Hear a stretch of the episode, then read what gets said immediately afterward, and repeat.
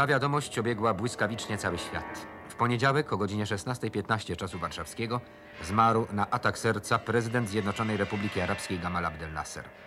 Lud arabski pogrążył się w wielkiej żałobie. Do Kairu zaczęły napływać kondolencje i wyrazy szczerego żalu od przywódców i polityków niemal całego świata. Dzień pogrzebu. Ulicami Kairu kroczy czteromilionowy kondukt żałobny. Powszechny płacz, wersety Koranu.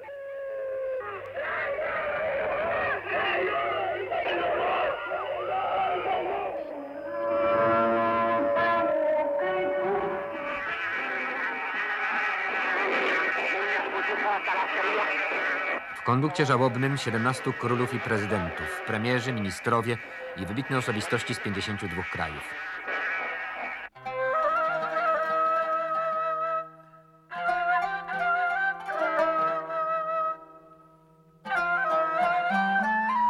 Tak przed 25 laty żegnał Egipt swego pierwszego prezydenta. Jego następca, pozostający dotąd w cieniu Raisa, czyli woza, bo tak nazwano Nassera, miał być jedynie spadkobiercą i kontynuatorem. Ale przedstawiany dziś w galerii postaci naszego stulecia Anwar Sadat już wkrótce miał zaskoczyć i zdumieć świat.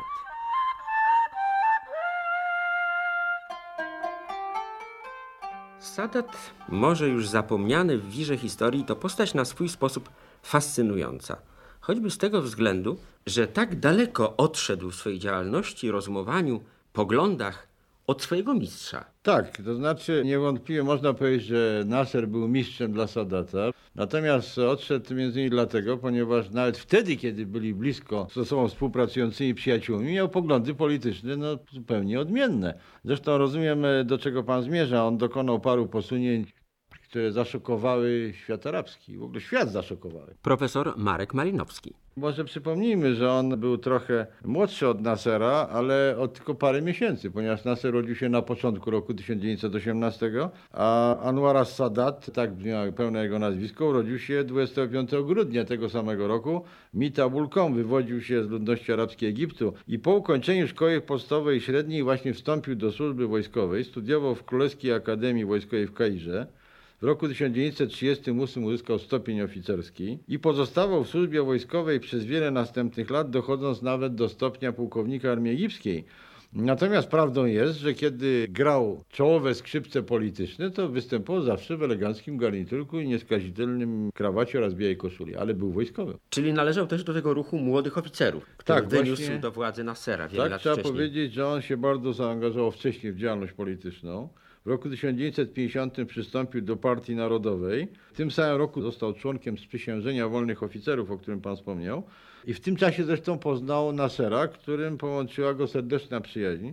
Jak wiadomo, członkowie tego sprzysiężenia dokonali w 1952 roku zamachu stanu, obalając króla Faruka. Sadat był jednym z przywódców i nic też dziwnego, że w latach 1955-1956, kiedy przywódcą rewolucji egipskiej nie był Nasser, tylko generał Nagib, który potem w dosyć tajemniczych okolicznościach zniknął ze sceny politycznej. Sadat pełnił funkcję ministra stanu, a równocześnie był dyrektorem koncernu prasowego, wydającego czasopisma takie jak Darel et Jumhuriyat, czyli Republika Tahrir, które prezentowały zupełnie nową linię polityczną. Został też w roku 1957 sekretarzem generalnym Kongresu Muzułmańskiego oraz przewodniczącym rządzącego Związku Narodowego, który potem się przekształcił w partię rządzącą pod inną nazwą. Może jeszcze powiem, że był w latach 57-61 wiceprzewodniczącym Zgromadzenia Narodowego i w tym czasie opublikował książkę Rewolucja nad Nilem, w której wykładał zasady socjalizmu arabskiego i rewolucji arabskiej i dlatego linia, którą przyjął, kiedy został prezydentem, no pozostawała, mówiąc delikatnie, w dość znacznej sprzeczności z ówcześnie głoszonymi poglądami, ale wtedy on był rewolucjonistą. Przejął schedę po Nasserze w 1970 roku po jego śmierci i wydawał się naturalnym następcą, a także kontynuatorem jego polityki. W pierwszym okresie prezydentury zawierał umowę o federacji z Libią i Syrią i w maju 1971 roku doprowadził do podpisania układu o przyjaźni i współpracy z ZSRR, którego to układu nigdy nie podpisał Nasser. Brzmi to trochę paradoksalnie. Właśnie. Prawda? Ponieważ Nasser korzystał z poparcia radzieckiego, ale nie był podatny na naciski radzieckie, żeby podpisać taki układ. Przy czym wiadomo, że układy o przyjaźni i współpracy zawierane przez Związek Radziecki no, oznaczały bliski sojusz ideologiczny, polityczny, militarny. Otóż Nasser nie zdecydował się na to. I paradoks historyczny polega na tym, że to właśnie Sadat się na to zdecydował. A jednocześnie Sadat był człowiekiem, który rozwinął Arabski Związek Socjalistyczny, realizujący ideologię socjalizmu arabskiego. Czyli w tym okresie wydawało się, że Sadat nie tylko idzie drogą Nasera, ale co więcej, że pogłębia przemiany wewnętrzne. Wreszcie jeszcze jedna rzecz, o której trzeba wspomnieć, bo już to czas historii przysypuje. W 1973 roku w październiku wybucha kolejna wojna z Izraelem. Przy czym inicjatywa wychodzi nie od Izraela, tak w poprzednich dwóch wojnach, tylko od strony Egiptu. Po prostu oddziały egipskie po raz pierwszy atakują oddziały izraelskie na drugim brzegu kanału Suezkiego, bo przecież po drugiej stronie kanału Suezkiego był Półwysep Synaj, trzymany w szachu przez Izrael od wojny czerwcowej w roku 1967. Trzeba powiedzieć, że w tym czasie egipska armia no, została świetnie wyposażona, wyszkolona. Wydawało się, że ma szansę walczyć z izraelską jak równa Oczywiście równą. wyposażona przez Związek Radziecki. Wyposażona przez Związek Radziecki. I Egipt rozpoczyna tą wojnę. W ostatecznym rozrachunku wojna kończy się powiedzmy czymś w rodzaju remisu.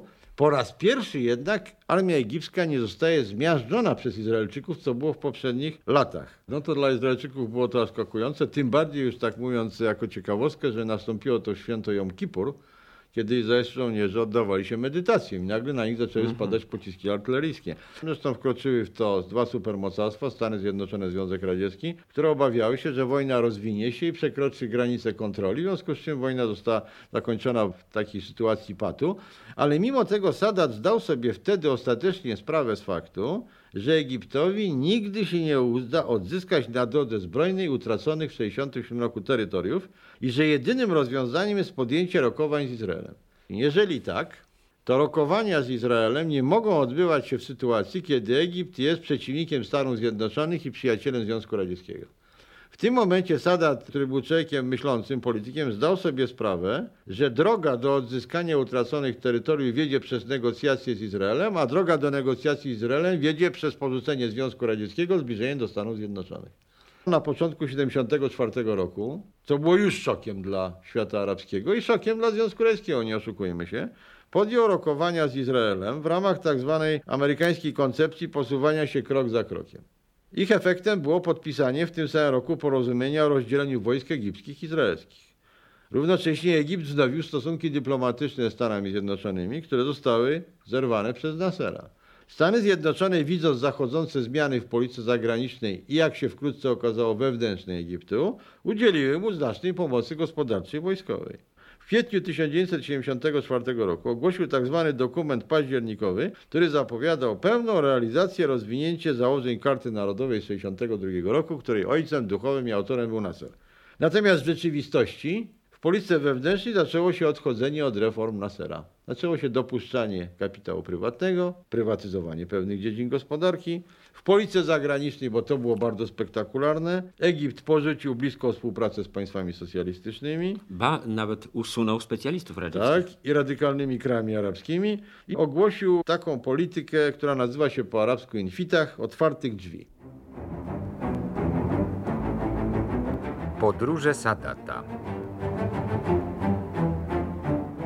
Szukając dróg podreperowania nadwyrężonej gospodarki Egiptu, prezydent Anwar Sadat w pierwszym etapie swej podróży przybył do Bonn. Po uzyskaniu pomocy finansowej i kredytów prezydent Sadat tak ocenił rozmowy z kanclerzem Helmutem Schmidtem. Mogę powiedzieć, w całości i w szczegółach zgodziliśmy się we wszystkim, co przedyskutowaliśmy i nie było żadnych różnic poglądów. Ze swej strony kanclerz Schmidt oświadczył. Um, Od czasu, gdy nawiązaliśmy stosunki dyplomatyczne z Kairem, rozwijaliśmy współpracę gospodarczą na różnych odcinkach i będziemy w przyszłości działać w tym kierunku. W Waszyngtonie zaś w tym samym czasie sekretarz stanu Henry Kissinger stwierdził przed Senacką Komisją Spraw Zagranicznych, że prezydent Sadat rozpoczął politykę nawiązywania coraz ściślejszych kontaktów z Zachodem i w interesie Stanów Zjednoczonych leży popieranie tej polityki. Komentator Radia Moskiewskiego stwierdził.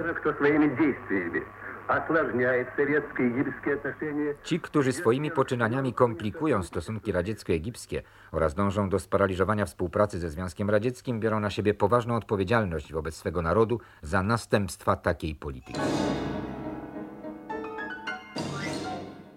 I w ramach tej polityki w marcu 1976 roku jednostronnie wypowiedział układ ZSR zawarty w 1971 roku, a w listopadzie 1977 roku, kiedy już właściwie przechodził na pozycje antyradzieckie, antykomunistyczne w polityce zagranicznej i wewnętrznej, no dokonał posunięcia, które zaszokowało wszystkich, a w świecie arabskim to było coś w rodzaju uderzenia piorunu, mianowicie złożył wizytę w Izraelu. No to była rzecz e, po prostu niesłychana. Tak, tak, pamiętamy te obrazki. Występował nawet w Knesecie, w parlamencie izraelskim. Witany zresztą, trzeba przyznać, ciepło. Bardzo ciepło. Sadat w Jerozolimie. Przed ogłoszeniem ostatecznej decyzji prezydent Sadat udał się najpierw do Damaszku na spotkanie z prezydentem Syrii Assadem. President Sadat and his Syrian counterpart have had a major and basic difference of opinion. Prezydent Sadat i jego syryjski partner, donosił korespondent BBC, mieli bardzo różne stanowiska wobec sposobów rozwiązania konfliktu bliskowschodniego. Gdy przed odlotem spytano Sadata, jak prezydent Syrii zareagował na projekt podróży do Izraela, odpowiedział on szczerze: Assad nie zgadza się ze mną. Nie zgodzili się także niektórzy członkowie egipskiego gabinetu. Minister spraw zagranicznych Ismail Fahmi podał się do dymisji zaraz po tym, jak prezydent Sadat formalnie zaakceptował zaproszenie rządu izraelskiego. Fahmi oświadczył, że w tej sytuacji nie może on prowadzić i odpowiadać za politykę zagraniczną Egiptu. Oddajmy jeszcze głos naszemu nowojorskiemu korespondentowi. Atmosfera zaskoczenia i powątpiewania otacza tę wizytę tu w Ameryce. Prezydent Carter, rozmawiając przez telefon przez 10 minut z premierem Izraela, oświadczył, że ma nadzieję, iż głównym celem spotkania w Jerozolimie nie będzie skłócenie między sobą państw arabskich. Komentatorzy mówią, że Sadat już nieraz podejmował ryzykowne kroki na granicy hazardu i nie zawsze osiągał swe cele. Komentatorzy polityczni z uwagą wysłuchali wystąpienia premiera Begina i prezydenta Sadata podczas konferencji prasowej, którą zorganizowano na zakończenie wizyty. Oto fragment wypowiedzi Begina.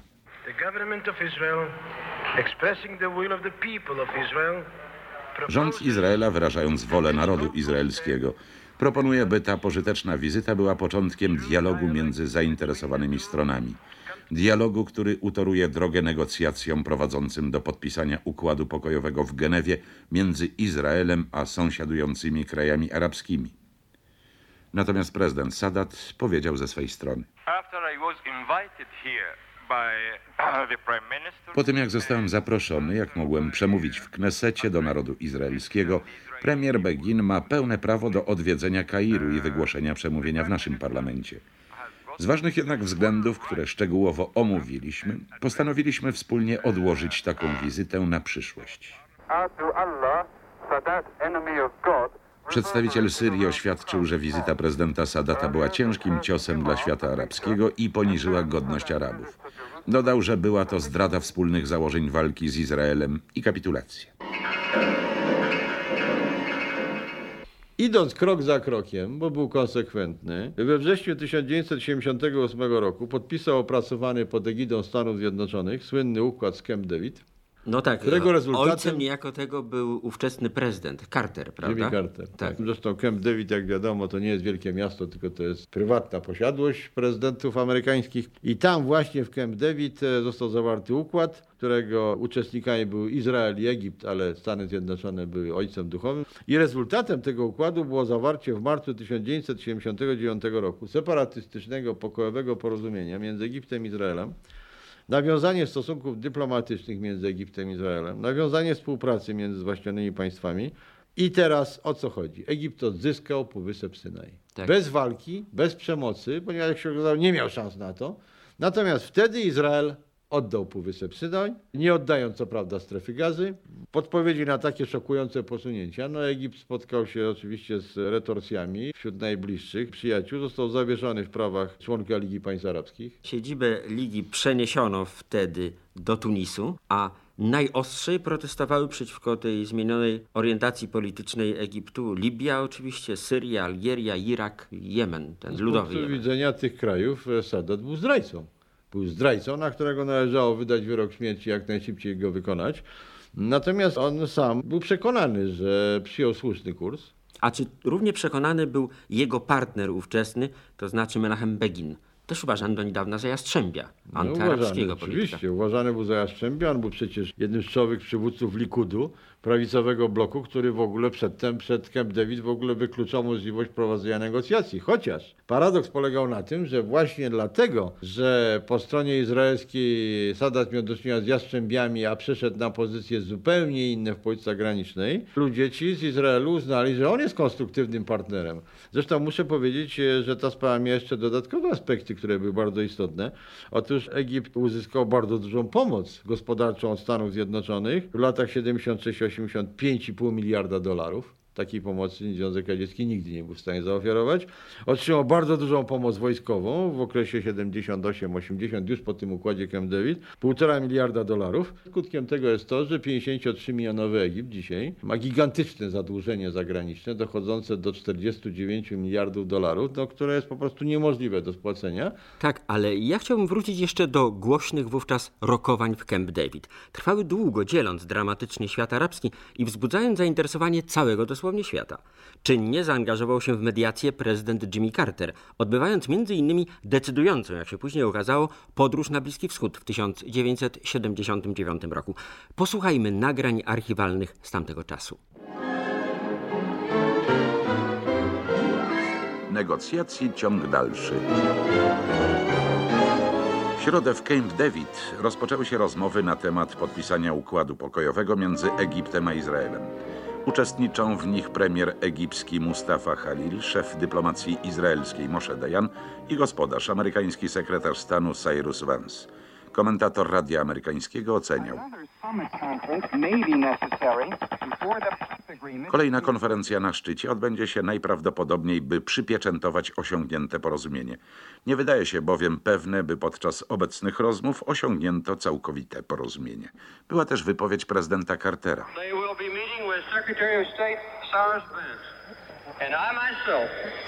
W trakcie spotkania sekretarz stanu Cyrus Vance i ja osobiście będziemy czynić wszystko, aby zakończyło się ono sukcesem. W atmosferze niepewności. Prezydent Stanów Zjednoczonych Jimmy Carter zakończył we wtorek swą podróż do Egiptu i Izraela, której celem było doprowadzenie do podpisania traktatu pokojowego między tymi państwami. Podróży i rozmowom towarzyszyła atmosfera niepewności. Komentatorzy wyrażali powątpiewanie, czy osobista interwencja prezydenta pomoże w rozwiązaniu problemu na tyle, by Kair i Tel Awiw mogły podpisać traktat pokojowy. Odlatując z Kairu do Waszyngtonu, prezydent Carter oświadczył między innymi.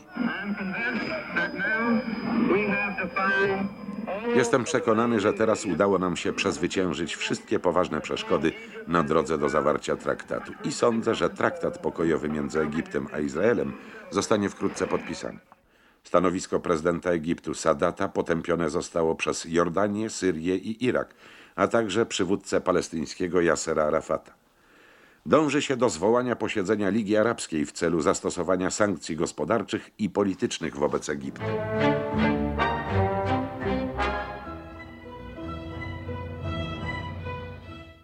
Chciałem jednak powiedzieć również, że Sadat był konsekwentny w tych zmianach zachodzących w jego postawie w polityce zagranicznej, również w odniesieniu do płaszczyzny wewnętrznej. Ogłosił tak zwany eksperyment demokratyczny właśnie w tym czasie, którego celem było stworzenie systemu wielopartyjnego. A przecież e, dla jego mistrza istniało tylko jedno rozwiązanie. Arabski Związek Socjalistyczny, tak jak w krajach socjalistycznych, jest jedyną płaszczyzną artykulacji interesu społeczeństwa. Natomiast tutaj Sadat ogłosił, że będzie system wielopartyjny. Rozwiązał w roku 1978 Arabski Związek Socjalistyczny. Na jego miejsce utworzono rządzącą Partię Narodowo-Demokratyczną oraz kilka partii opozycyjnych, jak Narodowa Postępowa Partia Jedności, Socjalistyczna Partia Pracy. Podjęła na nowo działalność podziemna komunistyczna Partia Egiptu, też paradoks. Za Nasera komuniści nie mogli działać legalnie. Potem zresztą powstała druga konkurencyjna partia komunistyczna. Zaczął liberalizować kurs polityki wewnętrznej. To spowodowało aktywizację nielegalnego bractwa muzułmańskiego. Już w tym czasie rozwijał się ruch integrystyczny, bo to jest schyłek lat 70., jest rewolucja szyicka w Iranie. W związku z czym zaczęły się wystąpienia przeciwko Sadatowi, przeciwko władzy, która była z punktu widzenia integrystów też jeszcze za mało islamska ideologia antykomunistyczna, no ale związki z Izraelem dla integrystów muzułmańskich rzecz jest niewybaczalna absolutnie. Rozpoczęły się konflikty religijne między muzułmanami i koptami. Tak, ale zanim dojdziemy do dramatycznego finału tego konfliktu, spytam, czy Sadat w swoim gronie, w swojej partii miał tak silną wciąż pozycję, że mógł sobie pozwolić na taką zmianę orientacji i na te wszystkie posunięcia, czy one nie przysparzały mu wrogów, pomijając fundamentalistów, także we własnych szeregach? Na to pytanie jest trudno udzielić jednoznacznej odpowiedzi. Duża część czołowych nawet działaczy partii za czasów Nasera akceptowała jego kurs i zbliżenie ze Związkiem Radzieckim, traktując to w kategoriach raczej taktycznych niż ideologicznych. I w momencie, kiedy Sadat zaczął dokonywać zwrotu tej polityce, cały czas mówił o socjalizmie. Byłem świadkiem wystąpienia Sadata kiedyś z okazji święta 1 maja w Aleksandrii. Słyszałem jego przemówienie, gdzie on mówił cały czas o socjalizmie egipskim, natomiast on już miał wtedy niewiele wspólnego z tym, co robił Nasser i nic wspólnego nie miał z socjalizmem, tak to było rozumiane w Związku Radzieckim. Natomiast sądzę, że jest jeszcze jedna rzecz. Oczywiście nastawienie większości społeczeństwa egipskiego do Izraela, Izraelczyków, no jest dalekie od entuzjastycznego, ale Klasa rządząca i duża część klas średnich w Egipcie zrozumiała, że droga rokowań z Izraelem jest jedyną, która pozwoli odzyskać nie tylko Synaj, ale utracony prestiż międzynarodowy. I teraz z punktu widzenia społeczeństwa, zwłaszcza działaczy politycznych, oni uznali, że Sadat odniósł wielki sukces. Przywrócił pozycję Egiptowi. Odzyskał utracone terytoria. Tylko wszelkie związki z Izraelem z drugiej strony były szokujące a zwłaszcza były szokujące dla bardziej radykalnie nastawionych członków tej społeczności, nie mówiąc o integrystach. Sadat działając w ten sposób właściwie podpisywał na siebie wyrok śmierci polityczny i jak się okazało nie tylko polityczny. Na oczach tysięcy ludzi, kamer telewizyjnych, przypomnijmy, 6 października 1981 roku w Kairze wielka parada wojskowa. Śmierć Sadata.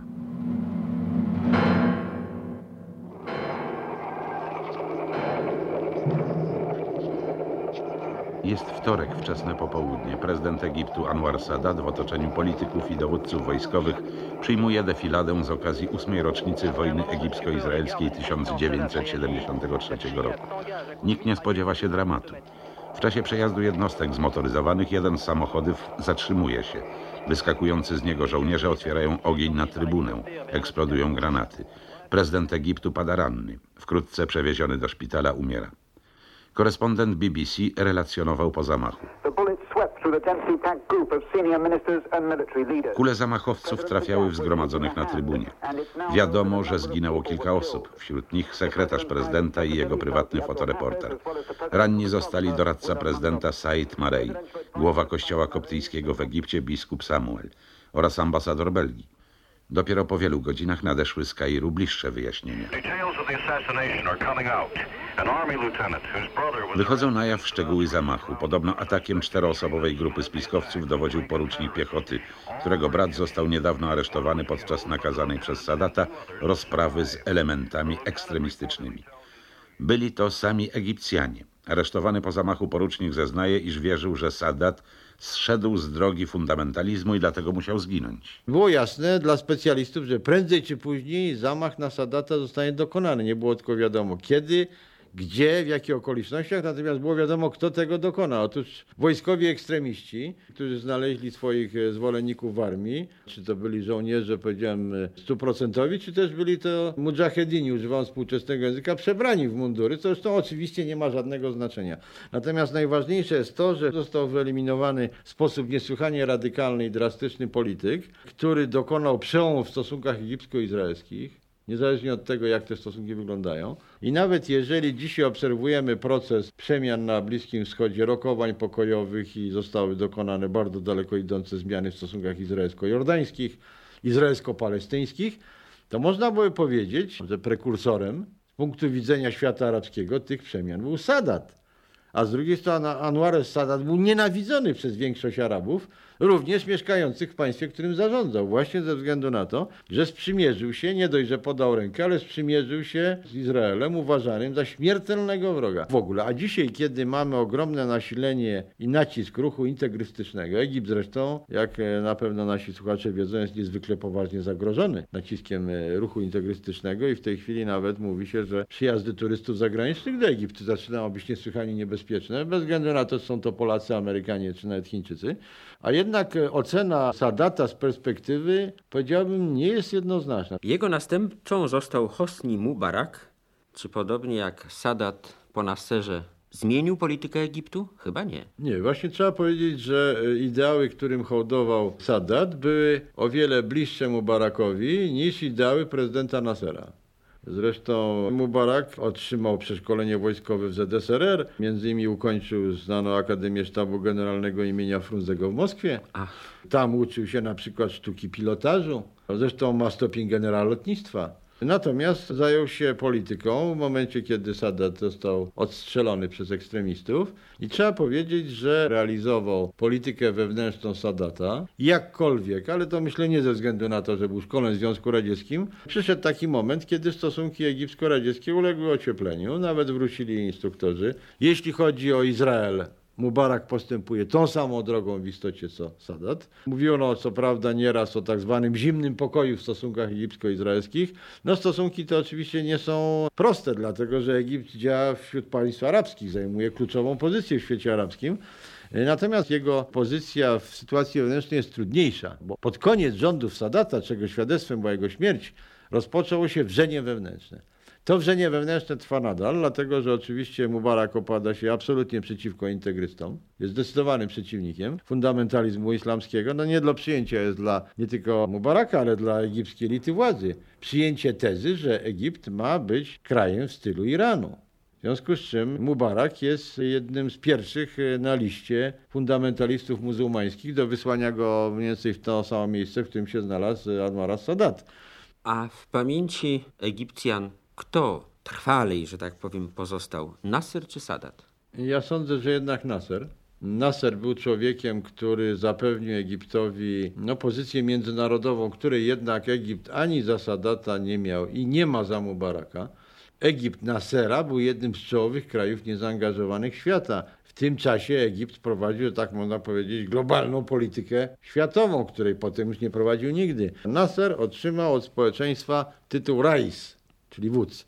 Wprawdzie Sadat też czasami określał się mianem Raisa i Mubarak czyni to samo, tylko ta różnica jest subtelna, że właściwie to Sadat i Mubarak siebie uważali za Raisa, a Nasser był uważany za Raisa przez społeczeństwo. Śmierć Sadata spodobała szok w Egipcie, ale nie było tego, co wtedy, kiedy umarł Nasser. Otóż wtedy widać było, jakim jest to szokiem dla społeczeństwa egipskiego, ale zupełnie w innym sensie niż przy przypadku Sadata. Chociaż Sadat wykazał się chyba większą odwagą i wyobraźnią. Tak, ja zresztą myślę, że można podtrzymywać tezę, iż to Sadat zapoczątkował proces pokojowy z punktu Arabów, który dzisiaj przynosi owoce. Z trudem, bo z trudem, ale przynosi owoce. Otóż właśnie Anwar Sadat był tym, który zdecydował się na, na posunięcie dramatyczne, prawda, które dla żadnego innego polityka arabskiego wtedy było absolutnie niemożliwe do wykonania. Jak się okazuje, ludźmi, którzy gotowi są pójść tą drogą, wśród Arabów nie ma ich bardzo wielu takich przywódców. Okazał się nim Yasser Arafat. Okazał się nim król Jordanii Hussein, a na przykład człowiekiem nieprzygotowanym jeszcze do pójścia tą drogą jest prezydent Syrii Hafez el-Assad.